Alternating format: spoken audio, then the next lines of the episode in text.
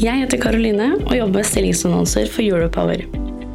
Europower har mer enn 7000 abonnenter, og podkasten du nå lytter til, har mer enn 300 ukentlige lyttere. Hvis du er på jakt etter ny jobb, se stilling.europower.no. Ta også gjerne kontakt med meg dersom du ønsker å annonsere ledige IT-stillinger i fornybar energibransje. Dag er det veldig mange som ser på Ukraina ut fra bakteppet i media, og jeg mener de gjør fatale feilvurderinger i forhold til mulighetsrommet, fordi at de ser ikke hva som er realiteten i landet. Du lytter til Teknologioptimistene fra Europower Partner. Redaksjonen i Europower har ikke medvirka i denne produksjonen. Du, Pia, visste at det ble utsolgt i fjor da vi samlet IT-beslutningstagere i energibransjen på energibransjens IT-konferanse? Ja, det visste jeg. Vi måtte jo si stopp rundt 215 deltakere. Eh, men fortvil ikke. Eh, den 26.9 så samler vi på ny hele flokken for å dele erfaringer og bygge nettverk. Og vet du hvem som er sponsorer og som skal delta på scenen i debatter i år, da? Ja, er, er ikke det Statnett, Elhub, Elvia, Lede og Embrik? Jo, og så er det Microsoft, Itera, Bouvet, DNV, Elmera Group. Så må vi ikke glemme da Nodes, Segal og PwC. Eh, og sponsorene har allerede kjøpt opp mer enn 150 av deltakerplassene, så dette blir garantert årets viktigste møteplass for de som jobber med IT i energibransjen. Så ta en titt på teknologioptimistene.no for mer informasjon. Men nå er det nok reklame for energibransjens IT-konferanse. Skal vi ikke komme i gang med podkasten, Pia? Jo, vet du hva, la oss gjøre det. Hei og velkommen til Teknologioptimistene, en podkast for IT-beslutningstagere i fornybar energibransje. Jeg heter Skjul Kristian Aamodt og jobber til daglig på kommersiell side i Europower, en nyhetstjeneste om og for fornybar energi. Og Europower er, som eh, mange av dere vet, også en del av DN Media Group. Med meg her i studio i dag så har jeg Arne Mjøs, konsernsjef i Itera. Velkommen. Takk for det. Um, la oss bli litt uh, kjent med deg. Har du en fun fact om deg selv?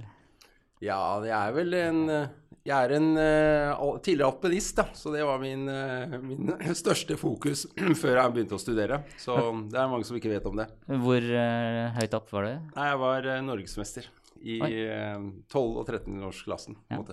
Det er bra. Ja. Ja, jeg heter jo Aamodt, men er ikke tidligere al- alpinist. Du startet i Tera. Når var det? Det var i 1995. Eh, Hvor gammel var du da? Ja, da var jeg jo eh, noen og 20 år, på en måte. Så 25-26 år. Hvordan kom, kom du på den ideen? Nei, det var eh, egentlig ligget en Jeg har jo jobbet med utdannet innenfor eh, teknologi, så det har alltid ligget en annen sånn gründerinspirasjon i meg. Eh, jeg var jo inne på andre områder, men etter hvert så fant jeg på en måte et område innenfor teknologi som gikk på softwareutvikling. Den gangen var det objektorientert softwareutvikling, som nå ble omgjort til komponentbasert softwareutvikling. Så det var sånn jeg egentlig startet. Hvordan finansierte du opp selskapet da? Ja, Det var jo med egne midler. Så man eh, frigjorde kapital hjemme og flytta inn i leilighet. Og, og var eh, ganske sparsommelig med sin egen private økonomi. Og nå er dere børsnotert. Ja. Fra å være, jeg, låne penger hjemme og, og gjøre den type ting. Eh, hva har Itera blitt nå? Ja, vi er i dag et eh, internasjonalt uh, selskap, teknologiselskap. Uh, vi holder til i 13, uh, har 13 kontorer i 8 land og leverer tjenester til 20 forskjellige land i verden.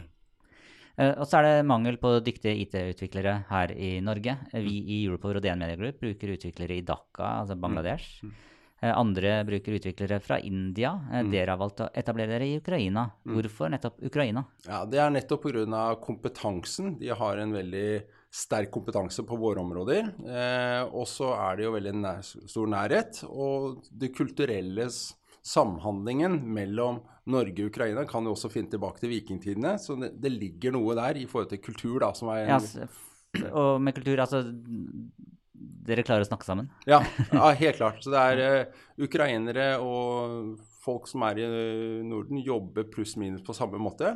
Vi har, så vi har oppbevart en, eh, eller tatt vare på vår nordiske kultur og er like agile uansett hvilken lokasjon vi jobber fra.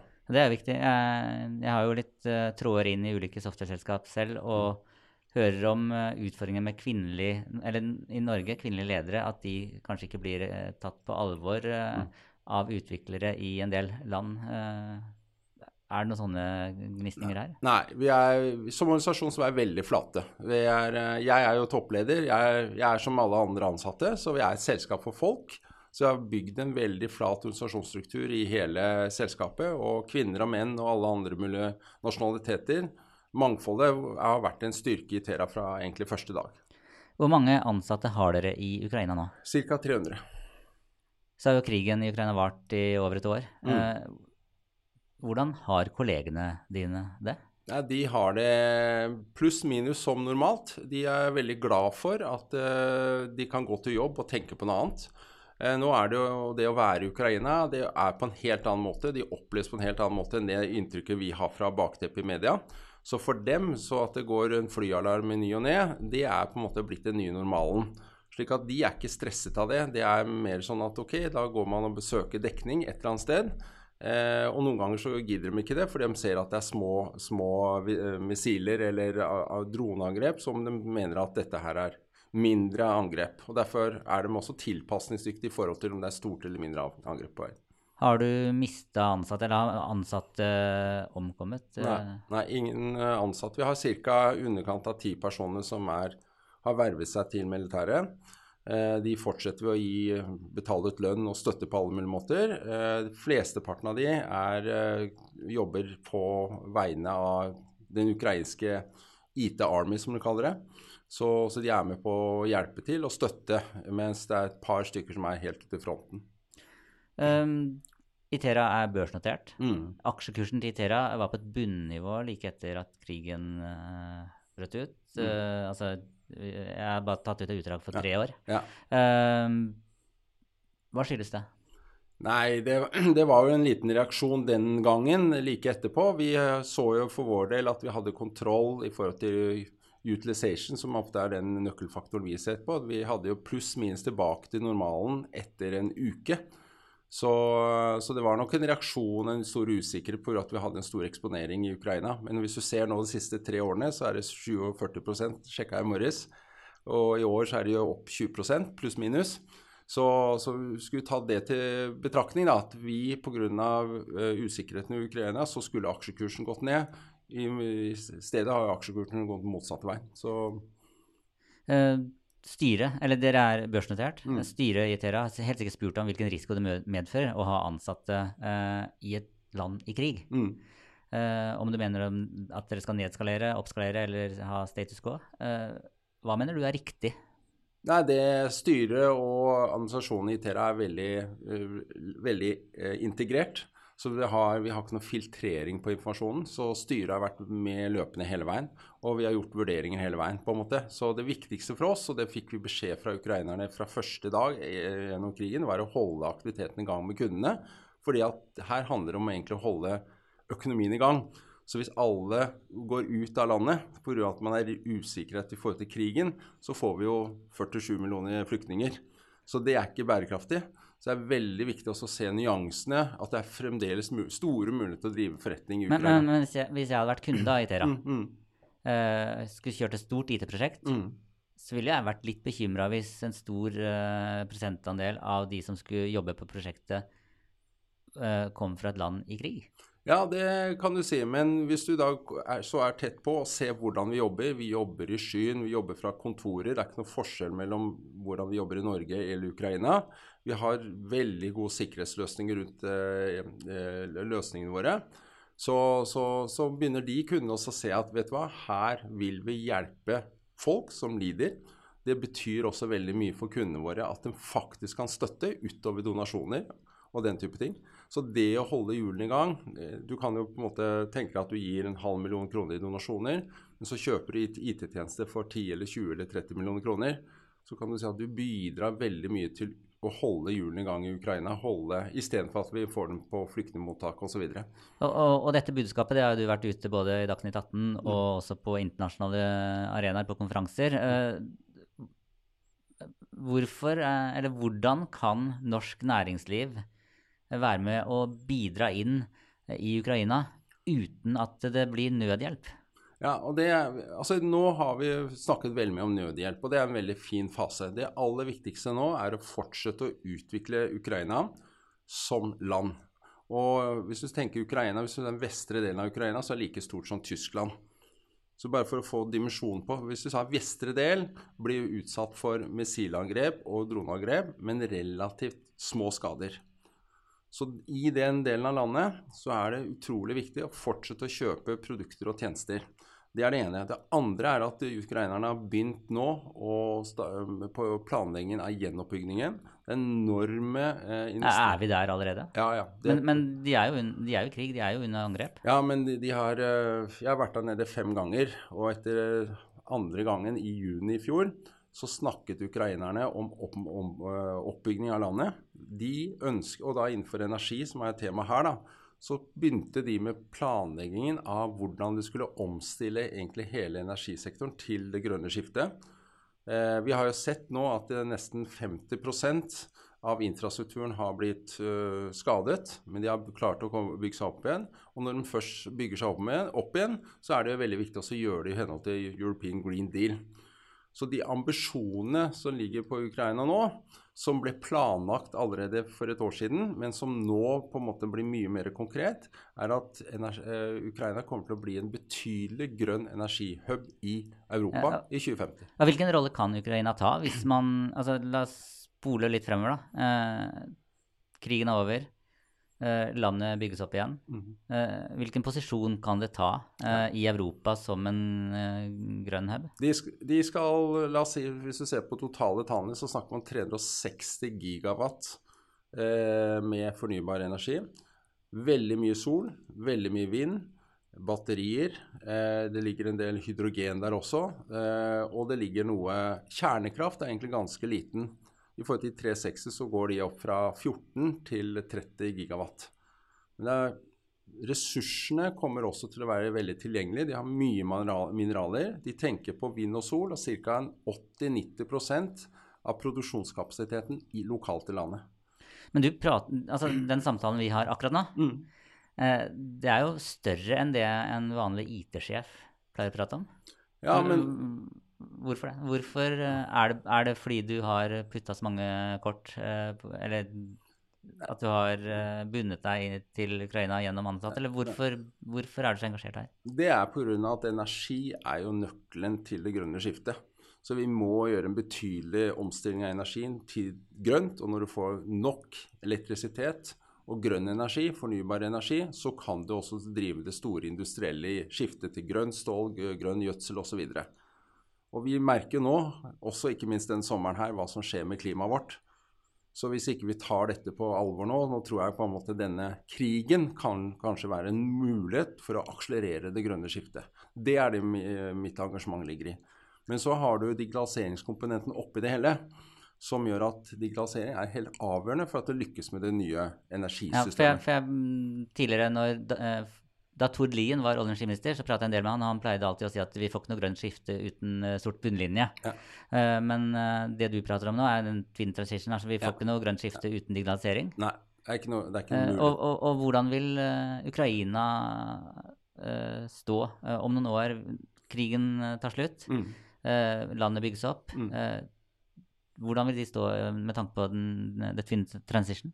Ja, de, de, eh, de, tar, eh, de, følger strategien fullt ut i forhold til twin transition. Hvis du ser Ukraina innenfor digitalisering, så er det en stormakt allerede. Det har du sett litt gjennom krigen, hvor mye digitaliserende var gjort ute på fronten. Og det samme ambisjonen har de innenfor eh, Twin og energitransisjonen. Eh, og Vi ser også landet nå. Hvis du leser noen analyser, så sier man at Ukraina vil være like langt fremme som Estland i 2025. Og digitalisering er også ekstremt 2025, det er to år til? Ja. ja. Og de, det er bare å gå og se, se, hva de gjør i forhold til Som de har måttet gjøre nå, pga. at man får ikke beveget seg og har kontakt med myndighetene på samme måte som før. Så er det slik at de har brukt digitale verktøy og nye løsninger Eh, for å kompensere for det. Og det har de lært at det går veldig bra, akkurat som vi lærte under covid. Og så har de bare sagt at jo, vår ambisjon er å sette oss på kartet sammen med Estland, sammen med eh, bås, i 2025. Det, det, det virker ulogisk, det du sier. Mm. Uh, men så prøver jeg å, se, uh, prøver å forstå hvem, hvem er du egentlig? Uh, du, du lik, likte å stå, jeg liker å stå fort nedover på ski mm. gjennom alpint. Mm. du tok risiko ved å starte et eget selskap uh, istedenfor å få deg en trygg jobb. Mm. Uh, du, og, og, du har 300 ansatte i, krigs, i et land i krig. Mm. Er du litt mer glad i det å ta risiko enn det en vanlig konsernsjef i et børsnotert selskap er? Eh, jeg tror entreprenørskapet mitt er, ligger latent i hodet mitt. Slik at eh, enhver utfordring ser jeg som en mulighet. Og i forhold til eh, min egen risiko og min egen investering, eh, så tar jeg alltid redusere risiko ved at jeg får tak i fakta. Så jeg prøver meg å komme bort fra alle sånne tabloide vurderinger. Jeg går inn og forstår kontekst. Og når jeg skjønner kontekst, så skjønner jeg også risikoen. Og I dag er det veldig mange som ser på Ukraina ut fra bakteppet i media, og jeg mener de gjør fatale feilvurderinger i forhold til mulighetsrommet, fordi at de ser ikke hva som er realiteten i landet. Når jeg sier at vestre del er pluss-minus som normalt, så er det nesten ingen som tror meg. Men når du reiser inn, så vil alle tro meg. Kanskje litt banalt spørsmål. Når du var der, eller du har vært der flere ganger, mm. var du redd? Eh, første dagen så Det var seks uker etter invasjonen. Det var tre dager etter at Putin sa at nå trekker vi oss bort nord fra Kiev. Da var jeg ikke høy i hatten. Da jeg, var jeg i min egen eh, boble og undersøkte hele tiden hva det neste steget jeg skulle ta. Jeg hadde planer om bare å ta foten på innsiden av landet, se hvordan det var. Og jeg reiste videre til Lviv, møtte våre ansatte der. Og jeg opplevde vår første hva skal jeg si, flyalarm en halvtime etter jeg kom inn. Gikk ned i såkalte bomberom og opplevde det, som var helt normalt. Og så reiste vi videre dagen til, til Kiev. Eh, gjennom 600-700 km og opplevde landet på tvers. Og når jeg så realiteten i forhold til det bakteppet, så ble jeg så glad. Fordi at jeg trodde landet lå helt eh, ødelagt. Jeg så hvordan hverdagen gikk, hvordan man møttes på kafeteria som før, hvordan man søkte dekning når det kom flyalarmer. Hva det betyr å være et bomberom, såkalt bomberom. Vi tenker på noe helt annet enn et bomberom der nede. Så, ja, for da, det jeg tenker på, er eh, de bildene der du ja. ser at de er nede på metroen, eller ja. ja. Og det du søker dekning, er nesten Jeg prøver ofte å si at det er som at det er på en måte litt sånn torden som kommer. Her ser du et veldig farlig styggvær som kommer, så da søker du dekning. Du står ikke i vinduene osv. For lynnedslag osv. Litt det samme kan du si det banalt gjøres der borte. Jeg har for øvrig også tatt eh, Jeg var utvekslingsstudent eh, mm. i Ukraina, så jeg har tatt toget fra Lviv til Kiev. Så det er jo et vakkert land. Ja, helt fantastisk. Um, fremover, hvilken utfordring vil du gi til norske næringslivsledere når det gjelder det mulighetsrommet som ligger i, i Ukraina? Det aller viktigste nå er å ikke vente til krigen er over. Da gjør man en total feilvurdering. Fordi at jeg ser innenfor energi og Twin Transition, så ser jeg at uh, amerikanere, uh, tyskere, uh, britere og også Danmark er veldig tett på. De posisjonerer seg, de er med på planleggingen, de inngår avtaler. Og jeg er ganske sikker på at ukrainerne ser spesielt de vennene de har i dag, fordi at du får venner for livet når du hjelper dem i en sånn vanskelig situasjon. Holde økonomien i gang. Trenger ikke å være så mye. Eh, men det viktigste er at du gjør noe. Eh, og så har du også fått den innsikten. Du har fått filtrert bort alt det støymaterialet som ligger der. Du kan konsentrere deg om business case, du kan konsentrere deg om din egen forretning. Dette her er den største forretningsmuligheten for Norge og Europa eh, på mange årtier fremover. Eh, både økonomisk, eh, industrielt og teknologisk. Og jeg vil, som jeg sa tidligere, vi trenger denne krisen for også å klare klimakrisen. Denne muligheten i Ukraina med ca. de 360 gigawatt Vi snakker om 30 gigawatt på havvind bare for å ta per, ja. Ikke sant? Det er vanvittige dimensjoner. Uh, og da mener jeg at Norge med vår hva skal jeg si, kompetanse, full bredde innenfor energi og digitalisering, så er det store, store muligheter for norsk industri. Å virkelig klare å komme seg gjennom vårt skifte fra det fossile til det fornybare. Det virker, virker, jo som noen muligheter her. Ja, eh, du, eh, du og Itera skal jo Mm. også til Arendal på Arendalsuka, så for dere som lytter, så, så er det bare å søke opp hvor dere dukker opp der. Så Mm. kan, for næringslivsledere så er det jo bare sikkert å ta, huke tak i deg og spørre om du virkelig mener alvor av det du sier. Ja. Eh, før vi avslutter, eh, så må vi stille et spørsmål som vi stiller til alle våre gjester. Eh, min første datamaskin, det var en Amiga 500. Eh, hva var din første? Co- Commodore 64. Du var der, Ja, ja. og da tilleggsspørsmålet eh, kassettspiller eller eh, diskettstasjon. Eh, Diskettstasjon. Du var, du var så langt fremme. Ja. Du var blant de råeste. Jeg husker de som hadde diskettstasjon. Det gikk jo mye raskere enn en press play on tape. Eh, da vil jeg bare si tusen takk til deg, Arne Mjøs, konsernsjef i Itera, for at du tok deg tiden til å besøke vårt studio her i Europower og DN Media Group. Takk til deg som lytter. Jeg heter Sjul Kristian Aamodt, og jeg er en teknologioptimist. Og hva er du, Arne? Jeg er også teknologioptimist. Ja, bra. Det var ikke planlagt, men du får ikke lov å svare noe annet. Takk for oss. Takk for det. Du, Pia, visste at det ble utsolgt i fjor da vi samlet IT-beslutningstagere i energibransjen på energibransjens IT-konferanse. Ja, det visste jeg. Vi måtte jo si stopp rundt 215 deltakere. Eh, Men fortvil ikke. Eh, Den 26.9 så samler vi på ny hele flokken for å dele erfaringer og bygge nettverk. Og Vet du hvem som er sponsorer og som skal delta på scenen i debatter i år, da? Ja, er, er ikke det Statnett, Elhub, Elvia, Lede og Embrik? Jo, og så er det Microsoft, Itera, Bouvet, DNV, Elmera Group.